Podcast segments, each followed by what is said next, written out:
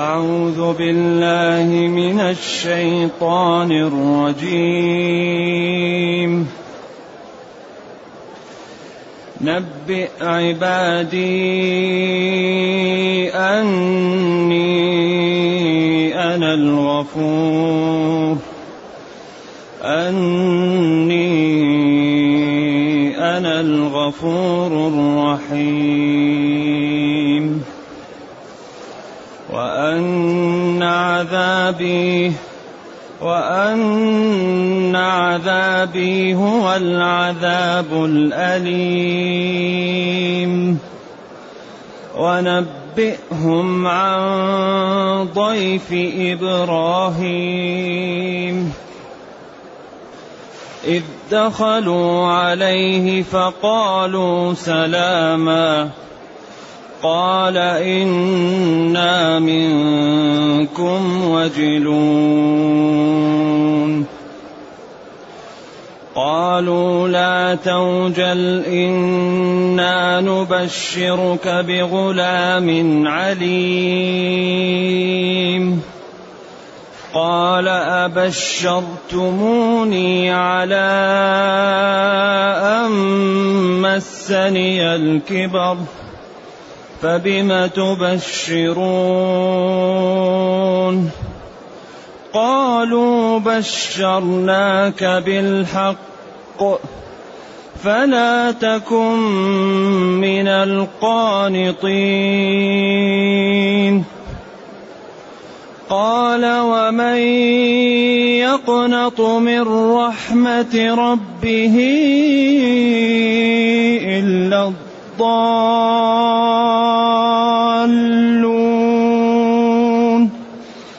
قال فما خطبكم أيها المرسلون؟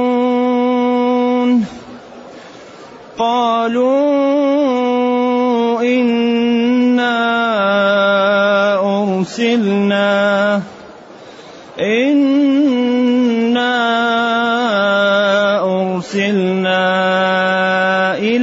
قوم مجرمين إلا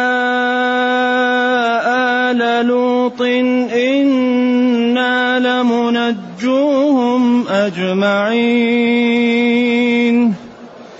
إلا امرأته قدرنا إنها لمن الغابرين فلما جاء آل لوط المرسلون قال إنكم قوم منكرون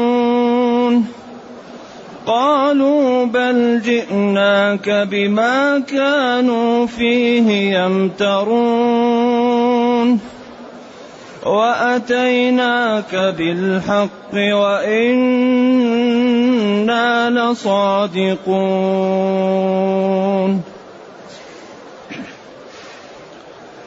الحمد لله الذي أنزل إلينا أشمل الكتاب وأرسل إلينا أفضل الرسل وجعلنا خير أمة أخرجت للناس. فله الحمد وله الشكر على هذه النعم العظيمة والآلاء الجسيمة. والصلاة والسلام على خير خلق الله وعلى آله وأصحابه ومن اهتدى بهداه. أما بعد فإن الله تعالى يخبر عن نفسه مخاطبا نبيه فيقول له نبئ عبادي أني أنا الغفور الرحيم وأن عذابي هو العذاب الأليم. نبئ. اخبرهم. اخبر عبادي أني أنا لا غيري كثير المغفرة والرحمة لخلقي.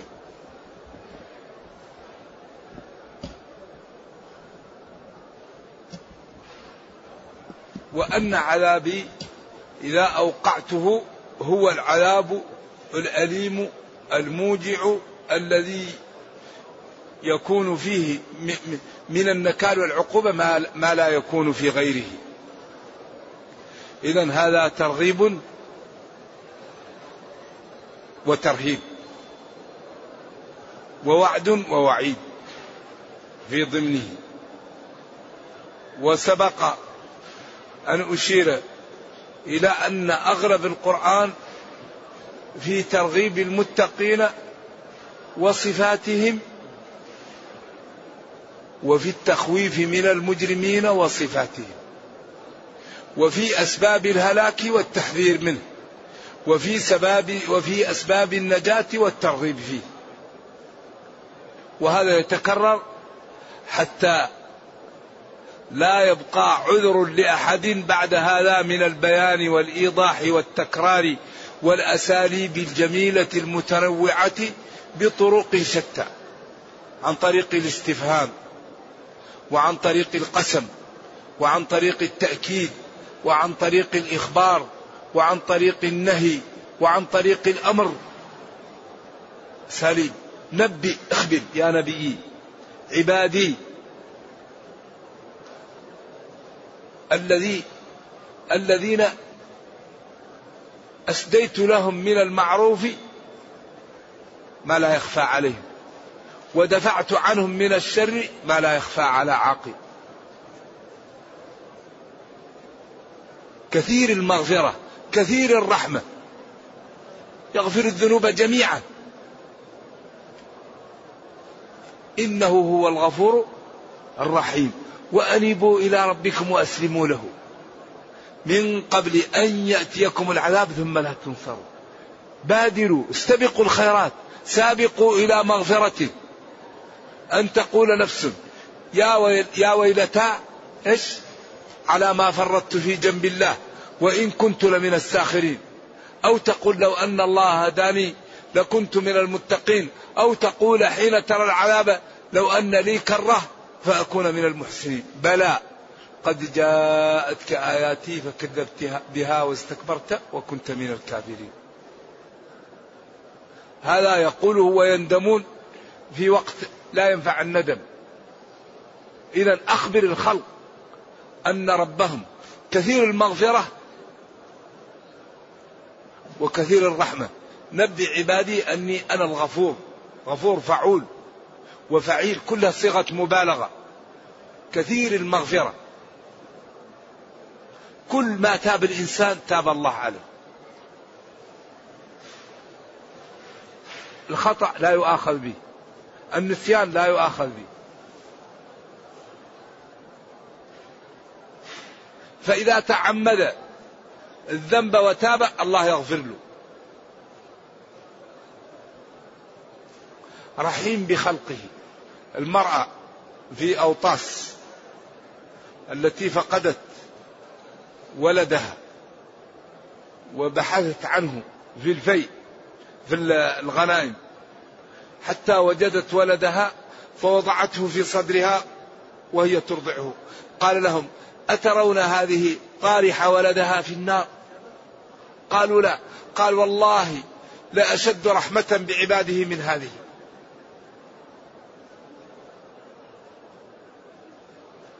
إذا ربنا رحيم يفرح بتوبة عبده. ومن أتاه يعني يمشي أتاه هرولة ومن أتاه ذراع أتاه باع. نعم. ولا يغير ما بكم إيش؟ إن الله لا يغير ما بقوم حتى يغيروا ما بأنفسهم. والله لا تمل لا يمل حتى تملوا. لا يترك أجركم وإكرامكم حتى تلتفتوا. تتركوا تتركوا الطاعة. ولذلك الكارثة المعاصي. أخطر شيء نواجهه المعصية. شؤمها في العمر شؤمها في الولد شؤمها في المال. المعصية تكون في العمر يكون عمرك ما في بركة. عاش ثمانين سنة لكن ما في عمل عشان المعاصي. الولد لمعصيتك ما يكون صالح. المال كثير يكون حجة عليك. ما ينفعك. كل المشاكل تأتي من المعاصي. وكل المنافع من الطاعة. لأن العبد إذا أطاع الله بارك له في عمره في ماله في ولده في سمعته وحماه وحفظه وأسعده. وجعل له الذكر الحسن في الملأ الأعلى. وإذا مات كان كالغائب قدم على أهله. إذا ونبئهم عن ضيف إبراهيم. هذه معطوفة على نبئهم الأولى. نبئ عبادي بعدين ونبئهم. ضيف تقال للواحد وللإثنين وللثلاثة وللمئة وللألف. نعم؟ نعم ذكرناها نعم. وأن عذابي هو العذاب الأليم. عذاب الله هو الموجع عياذا بالله. ثم قال ونبئهم عن ضيف إبراهيم. أخبرهم. عن ضيف إبراهيم. الضيف تقال للواحد وللاثنين وللجماعة. معني ضيف بمعنى أضياف. جاء فلان ضيف. واحد عشرة مية تقول ضيف. قيل كانوا 11 عشرة ومعهم إيش؟ جبريل. دخلوا عليه. فقالوا سلاما. إذ وقت دخولهم عليه. فلما دخلوا قالوا سلاما. طبعا في الكلام مقتضى وشيء مقدر. لا بد أن يفهم من السياق لأن هذا القرآن نزل بلسان عربي مبين. ونبئهم أي نبئ قومك عن ضيف إبراهيم وقت دخولهم دخولهم عليه إذ دخلوا عليه فقالوا سلاما. قالوا سلمنا سلاما. فقال إبراهيم سلام. سلام. أي عليكم سلام. وهذا أبلغ. لأن سلمنا سلاما. أبلغ منها في الأسلوب. عليكم سلام أو كل بليغ. وهذا تحكم ولا ينبغي أن يقال. بعدين قال إنا منكم وجلون. قال إبراهيم للضيف للأضياف إنا منكم وجلون. لأن هذا الوقت ليس وقت يأتي فيه الضيوف. قالوا ولأنه قدم لهم الطعام فلم يأكلوا. وطوى القصة لأنها مبينة في هود وفي غيرها. فهنا طوى يعني أشار إليها إشارات. ولذلك هذه القصص تتكرر أول شيء لبيان صدق القرآن. ولبيان إعجازه. ولتخويف الناس ولتثبيت قلب النبي صلى الله عليه وسلم وليعتبر من يعتبر بهذه القصص فلذلك تتكرر. قصة طويلة قصة قصيرة فيها تقديم وتأخير لكن ما فيها تناقض. يتناول الموضوع بطرق مختلفة وكل فيه جمال وحسن وبلاغة ووصول إلى ذروة الإعجاز. وفيه تخويف لهؤلاء الذين بين ظهراني النبي صلى الله عليه وسلم حتى لا يحل بهم ما حل بهؤلاء. وفيه تصديق له ضمنا لأنه لا يقرأ ولا يكتب ويأتي بهذه المعلومات الهائلة الدقيقة التي لا يعلمها إلا عالم أو من يوحى إليه. ولذلك من أكبر الأدلة على صدقه إتيان بهذه الأمور التي ما كانت معهودة. لا قرأ التوراة ولا قرأ الإنجيل ولا قرأ ولا صحب علماء. وكان صلوات الله وسلامه عليه رجلا أميا. ويأتيهم بكتاب فيه كل شيء. في خبر ما قبلهم ونبأ ما بعدهم وحكم ما بينهم. ولا توجد قضية إلا وهي محلولة فيه. وبعدين هو أمي لا يقرأ ولا يكتب. فلذلك هذا الدين مبني على أسس وقواعد ما يمكن يقاوم. الإسلام لا يقاوم أبدا. إذا فهم المسلمون الإسلام وعملوا به بإذن الله تعالى أهل الأرض يدخلون في الإسلام. بس نفهم الإسلام ونعمل به. أكبر شيء نهزم به أعداءنا الكفار هو أن نستقيم على هذا الدين. لكن من الاستقامة؟ الإعداد. لأن الإعداد مأمور به. وعدم الإعداد مخالفة لأمر الله. والله يقول فليحذر الذين يخالفون عن أمره أن تصيبهم فتنة. الخلاف منهي عنه. ولا تنازعوا فتفشلوا. وما نهيتكم عنه فاجتنبوه.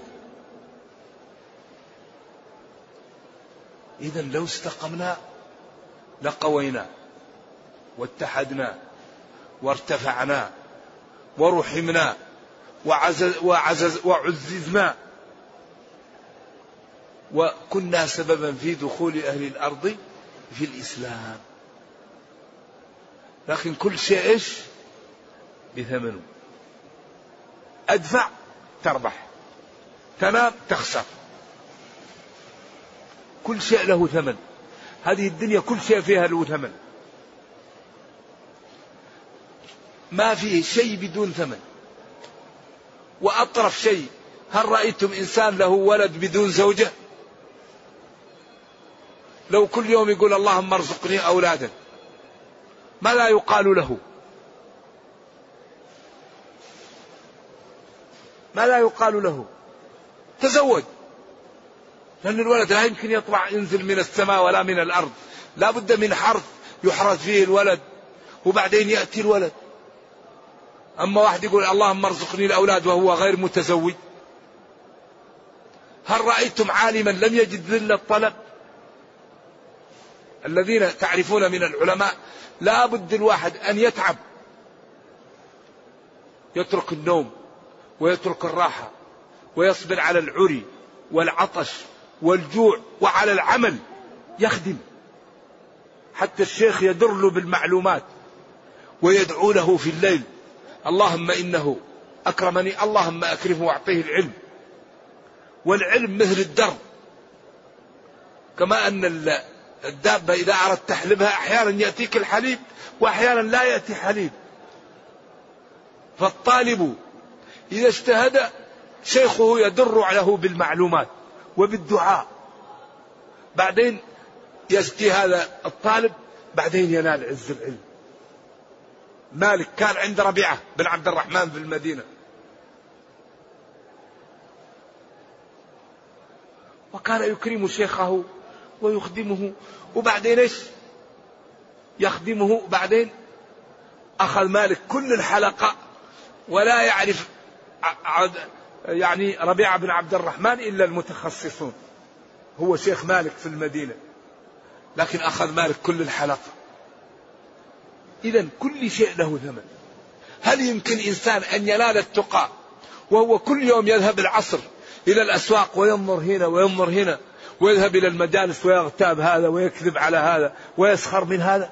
هل يكون تقي من يفعل هذا؟ إذا كل شيء له ثمن. وكل شيء له باب. إذا قال أخبرهم عن ضيف إبراهيم. إذ دخلوا عليه وقت دخولهم عليه فقالوا سلاما. فقال لهم إبراهيم سلام. وذهب بسرعة. وجاء بعجل حنيذ ولذلك قالوا من من كرم الضيافة الإسراع وش؟ والملاطفة والتقريب لهم. ما ت... ما لا, لا تلحظ الضيف. تلاحظه حتى تشوف الحمد لله عسى أكل. وتلاحظ وتأتيه بالأكل بسرعة وتقدر تقرب له الأكل. لا تقول له تعال أنت للأكل لا. أتيه بالأكل قربه إليهم ويلاطفهم. فلما لم يأكلوا قال إنا منكم وجلون. أتيتم في غير وقت زيارة ولم تأكلوا. إيش إيش القضية؟ نحن في نحن في مشكلة من أمركم. وقت غير زيارة ولم تأكلوا. إيش القضية؟ مشكلة. قالوا لا توجد. لا تخف اطمئن. قالوا لا تخف.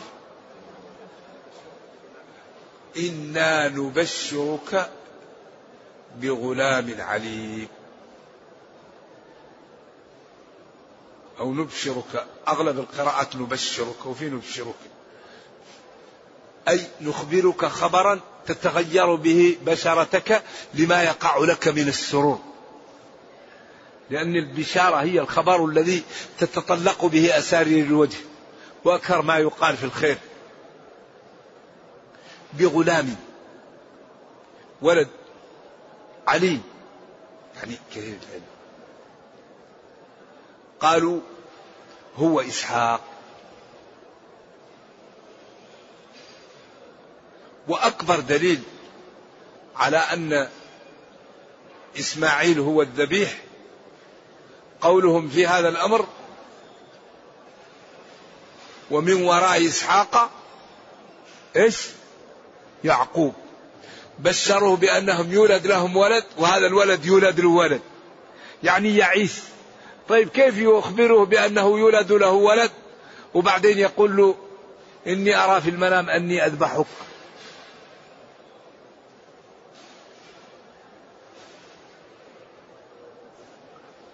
وبعدين قال إن هذا لهو البلاء المبين وفبدناه بذبح عظيم وتركنا عليه في الآخرين. سلام على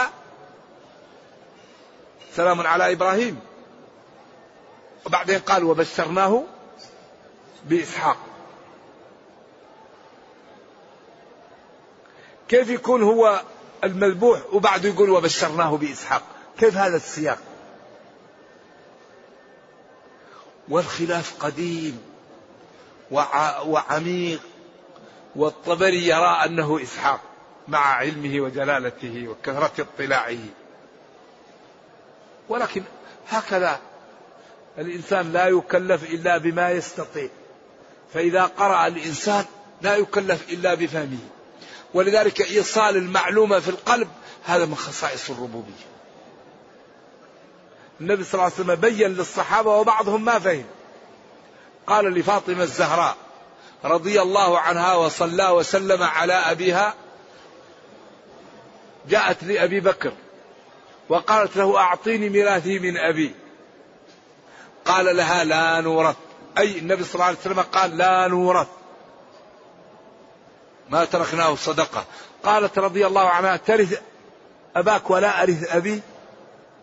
ما فهمت. عائشة قالت لها لا نورث. وعمر سأل النبي صلى الله عليه وسلم عن الكلالة كثير فضربه في هذا المحل في كتفه وقال له تكفيك آية الصيف. وعمر يقول ما سألت رسول الله صلى الله عليه وسلم عن شيء أكثر من الكلالة وإني أقول فيها برأيي هي ما عدا الوالد. والولد.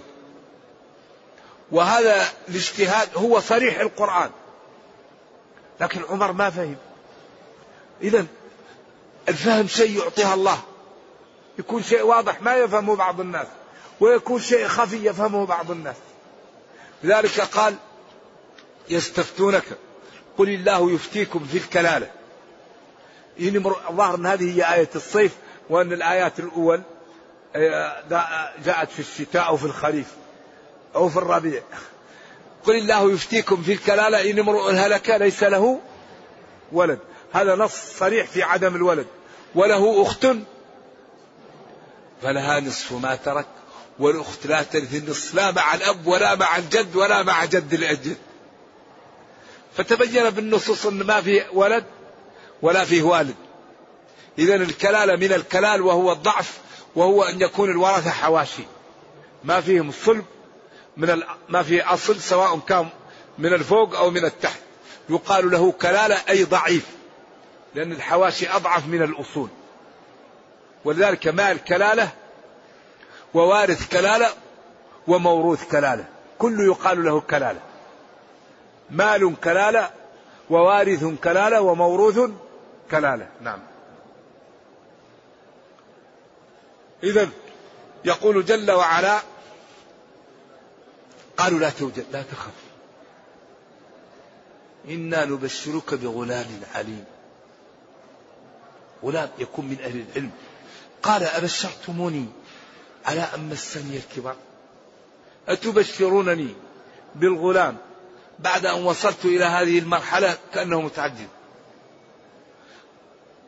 قالوا بشرناك بالحق.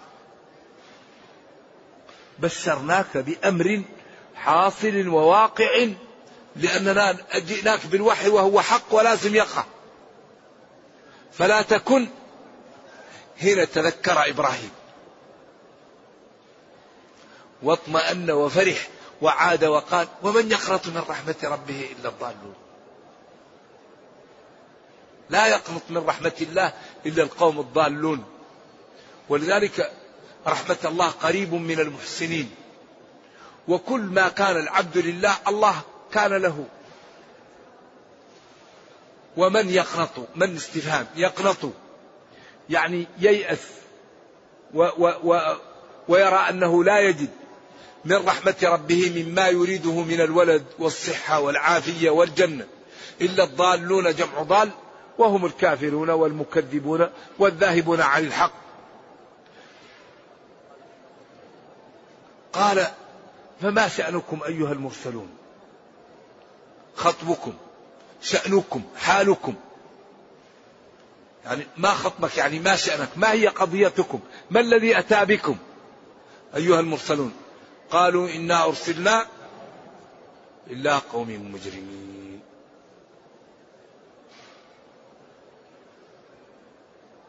قالوا إنا أرسلنا إلى لوط. لنهلك أمته لتكذيبها إياه. لكن هنا أيوة أرسلنا إلى لوط لنقويه ونعضده ونهلك القوم الذين كذبوا به وتمردوا عليه وزادوا على الكفر الفواحش والمعاصي. المجرم هو الكافر. وكاسب الذنب والمقترف المعاصي من الإجرام وهو الاقتراف والكسب. إنا أرسلنا إلى قوم مجرمين إلا آل لوط إنا لمنجوهم أجمعين إلا امرأته. هذا استثناء من الاستثناء من الاستثناء. قيل الاستثناء الأول منقطع. والاستثناء الثاني متصل. وقيل الأول والثاني كلهم متصل. إنا أرسلنا إلى قوم مجرمين إلا آل لوط. آل لوط ليسوا من المجرمين. لكن آل لوط ليسوا من المجرمين. لكن آل لوط ليسوا من المجرمين.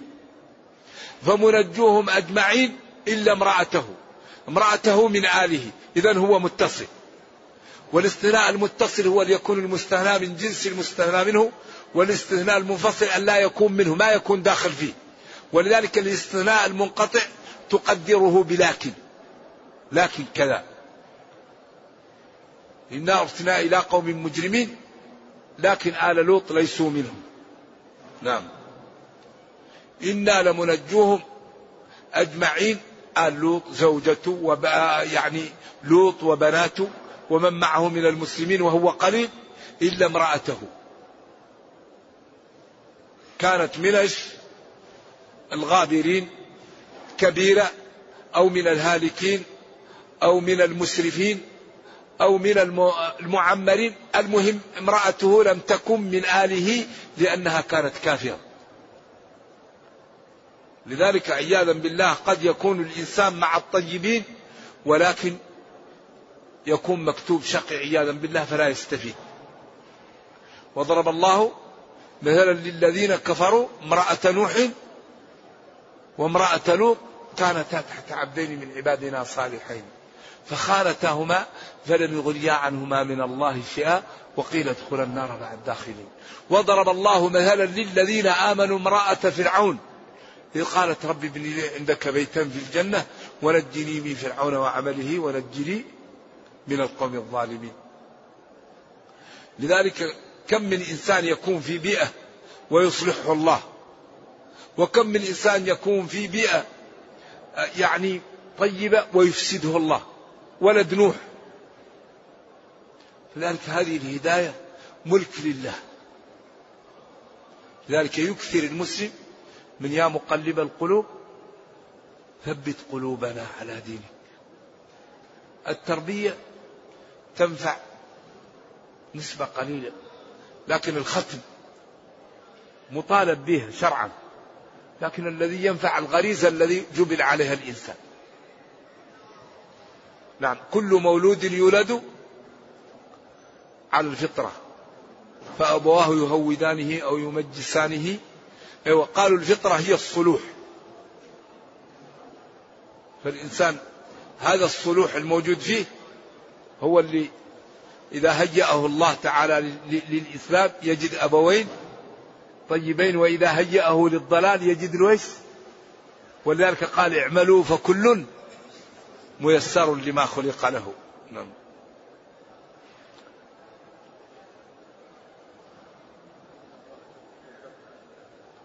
إلا امرأته قدرنا إنها لمن الغابرين. إلا امرأته قدرنا إنها لمن الغابرين لمن الهالكين. أو من الواقعين في في في إيش؟ في من القوم الذين كتب عليهم الشقاء. عياذا بالله. فلما جاء لوط المرسلون قال إنكم قوم منكرون. لما جاء لوط المرسلون عاد الكلام. قال إنكم قوم منكرون لا نعرفكم. ثيابكم ليست كثيابنا. وأشكالكم ليست أشكال المنطقة. من أين أنتم؟ منكر لا نعرفكم. شكلكم وهيئتكم و... قالوا بل جئناك بما كانوا فيه يمترون وأتيناك بالحق وإنا لصادقون. قالوا للوط بل جئناك. اترك هذا. جئناك بالحق. بل جئناك بالحق وإنا لصادقون. أتيناك بهلاك هؤلاء. أتيناك بما كنت تريد. أيوة. أتيناك ب ب ب ب بما كانوا فيه يكذبون ويشكون ويعاندون. أتيناك بالحق. أتيناك بما كانوا فيه يمترون. أتيناك بالهلاك لهؤلاء. خلاص نقطة الصفر قريبة. وإنا لصادقون فيما نقول لك. فاطمئن وأبشر والنصر جاءك والهلاك جاء لهؤلاء. عياذا بالله تعالى. ونكمل القصة من الغد. نرجو الله جل وعلا أن يرينا الحق حقا ويرزقنا اتباعه وأن يرينا الباطل باطلا ويرزقنا اجتنابه وأن لا يجعل الأمر ملتبسا علينا فنضل. سبحان ربك رب العزة عما يصفون وسلام على المرسلين والحمد لله رب العالمين. صلى الله وسلم وبارك على نبينا محمد وعلى آله وصحبه. والسلام عليكم ورحمة الله وبركاته. يقول امرأة تزوج برجل وأنجبت له أولاد وطلقها وتزوجت برجل آخر وأنجبت منه ولد ورضع الطفل مع طفل زوجها الثاني هل يصبح الطفل التي أرضعته أخ للأولاد من الزوج الأول؟ نعم. يصبح أخوهم من ال... من الأم. لأن هذه أرضعته هو أخوهم من الأم. نعم. وأولاد الزوج الأول أخوهم من الأم. نعم. لأن يحرم من الرضاع ما يحرم من النسب. والمحرمات إحدى وعشرون. سبع بالنسب وسبع بالرضاع وسبع بالمصاهرة. لكن أربع على التأبيد وثلاث بالتوقيت. وهناك امرأة محرم تأبيدها وهي الملاعنة. وهناك امرأة محرمة حتى وهي المتزوجة. يحرم تزويجها لأنها ما دامت في عصمة الزوج. والمحصنات من النساء. نعم. فالمحرمات سبعة. أمهاتكم وبناتكم وأخواتكم وعماتكم وخالاتكم وبنات الأخ وبنات الأخت. يحرم من الرضاع. ما يحرم من النسب. كم؟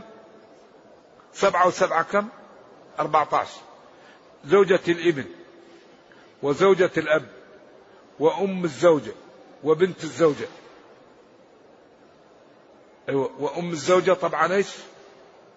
بنت الزوج المدخول بأمها وربائبكم اللاتي في حجوركم من نسائكم إيش؟ اللاتي دخلتم بهن. فإن لم تكونوا دخلتم بهن فلا جناح عليكم. وأخت الزوجة وعمة الزوجة وخالة الزوجة. لكن الأم أم الزوج وبنت الزوج أم الزوجة وبنت الزوجة وزوجة الأب وزوجة الإبن هذه محرمة على التأبيد. والأخت إذا طلق الأخت واستعدت يجوز أن يتزوج أختها. لكن لا بد مع خروجها من إيش؟ من العدة. وكذلك العمة والخالة. يقول إنه في جهة وأمه في جهة ويتصل عليها أحيانا في اليوم وأحيانا في اليومين أو في الثلاثة أو في الأسبوع. فهل علي شيء في ذلك؟ أول شيء ينبغي أن ترضي أمك. فإن كانت تريدك أن تكون معها دبر حالك وكن معها. وإن كانت راضية عنك ما هي مشكلة. أهم شيء رضاها. أهم شيء أن تشعر بأنك تحسن إليها. وبالوالدين إحسانا. الأم تأمرك بجائز يكون واجب. تنهاك عن جائز يكون حرام. لأن الله قال وبالوالدين والإحسان أن تنفذ أوامرهم وتجتنب نواهيهم. وقال فلا تقل لهما أف ولا تنهرهما وقل لهما قولا كريما واخفض لهما جناح الذل من الرحمة وقل رب ارحمهما كما ربياني صغيرا. ثم هد التهديد مبطن. قال ربكم أعلم بما في نفوسكم. من أحق الناس بصحابتي أمك. ثم من؟ أمك. ثم من؟ أمك. ثم أبوك الرابع فإذا كنت بعيد من أمك وهي راضية ما في مشكلة. وإذا كانت غير راضية لا بد أن تغير حتى ترضيها. كان النبي صلى الله عليه وسلم يطوف على زوجاته في ساعة من النهار والليل. هل هذا خاص للنبي صلى الله عليه وسلم؟ نعم.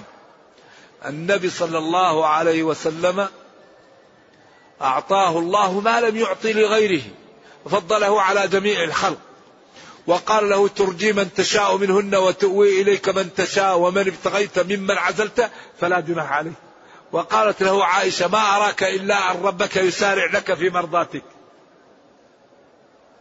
ترجي من تشاء منهن وتؤوي إليك من تشاء ومن ابتغيت ممن عزلت فلا جناح عليك.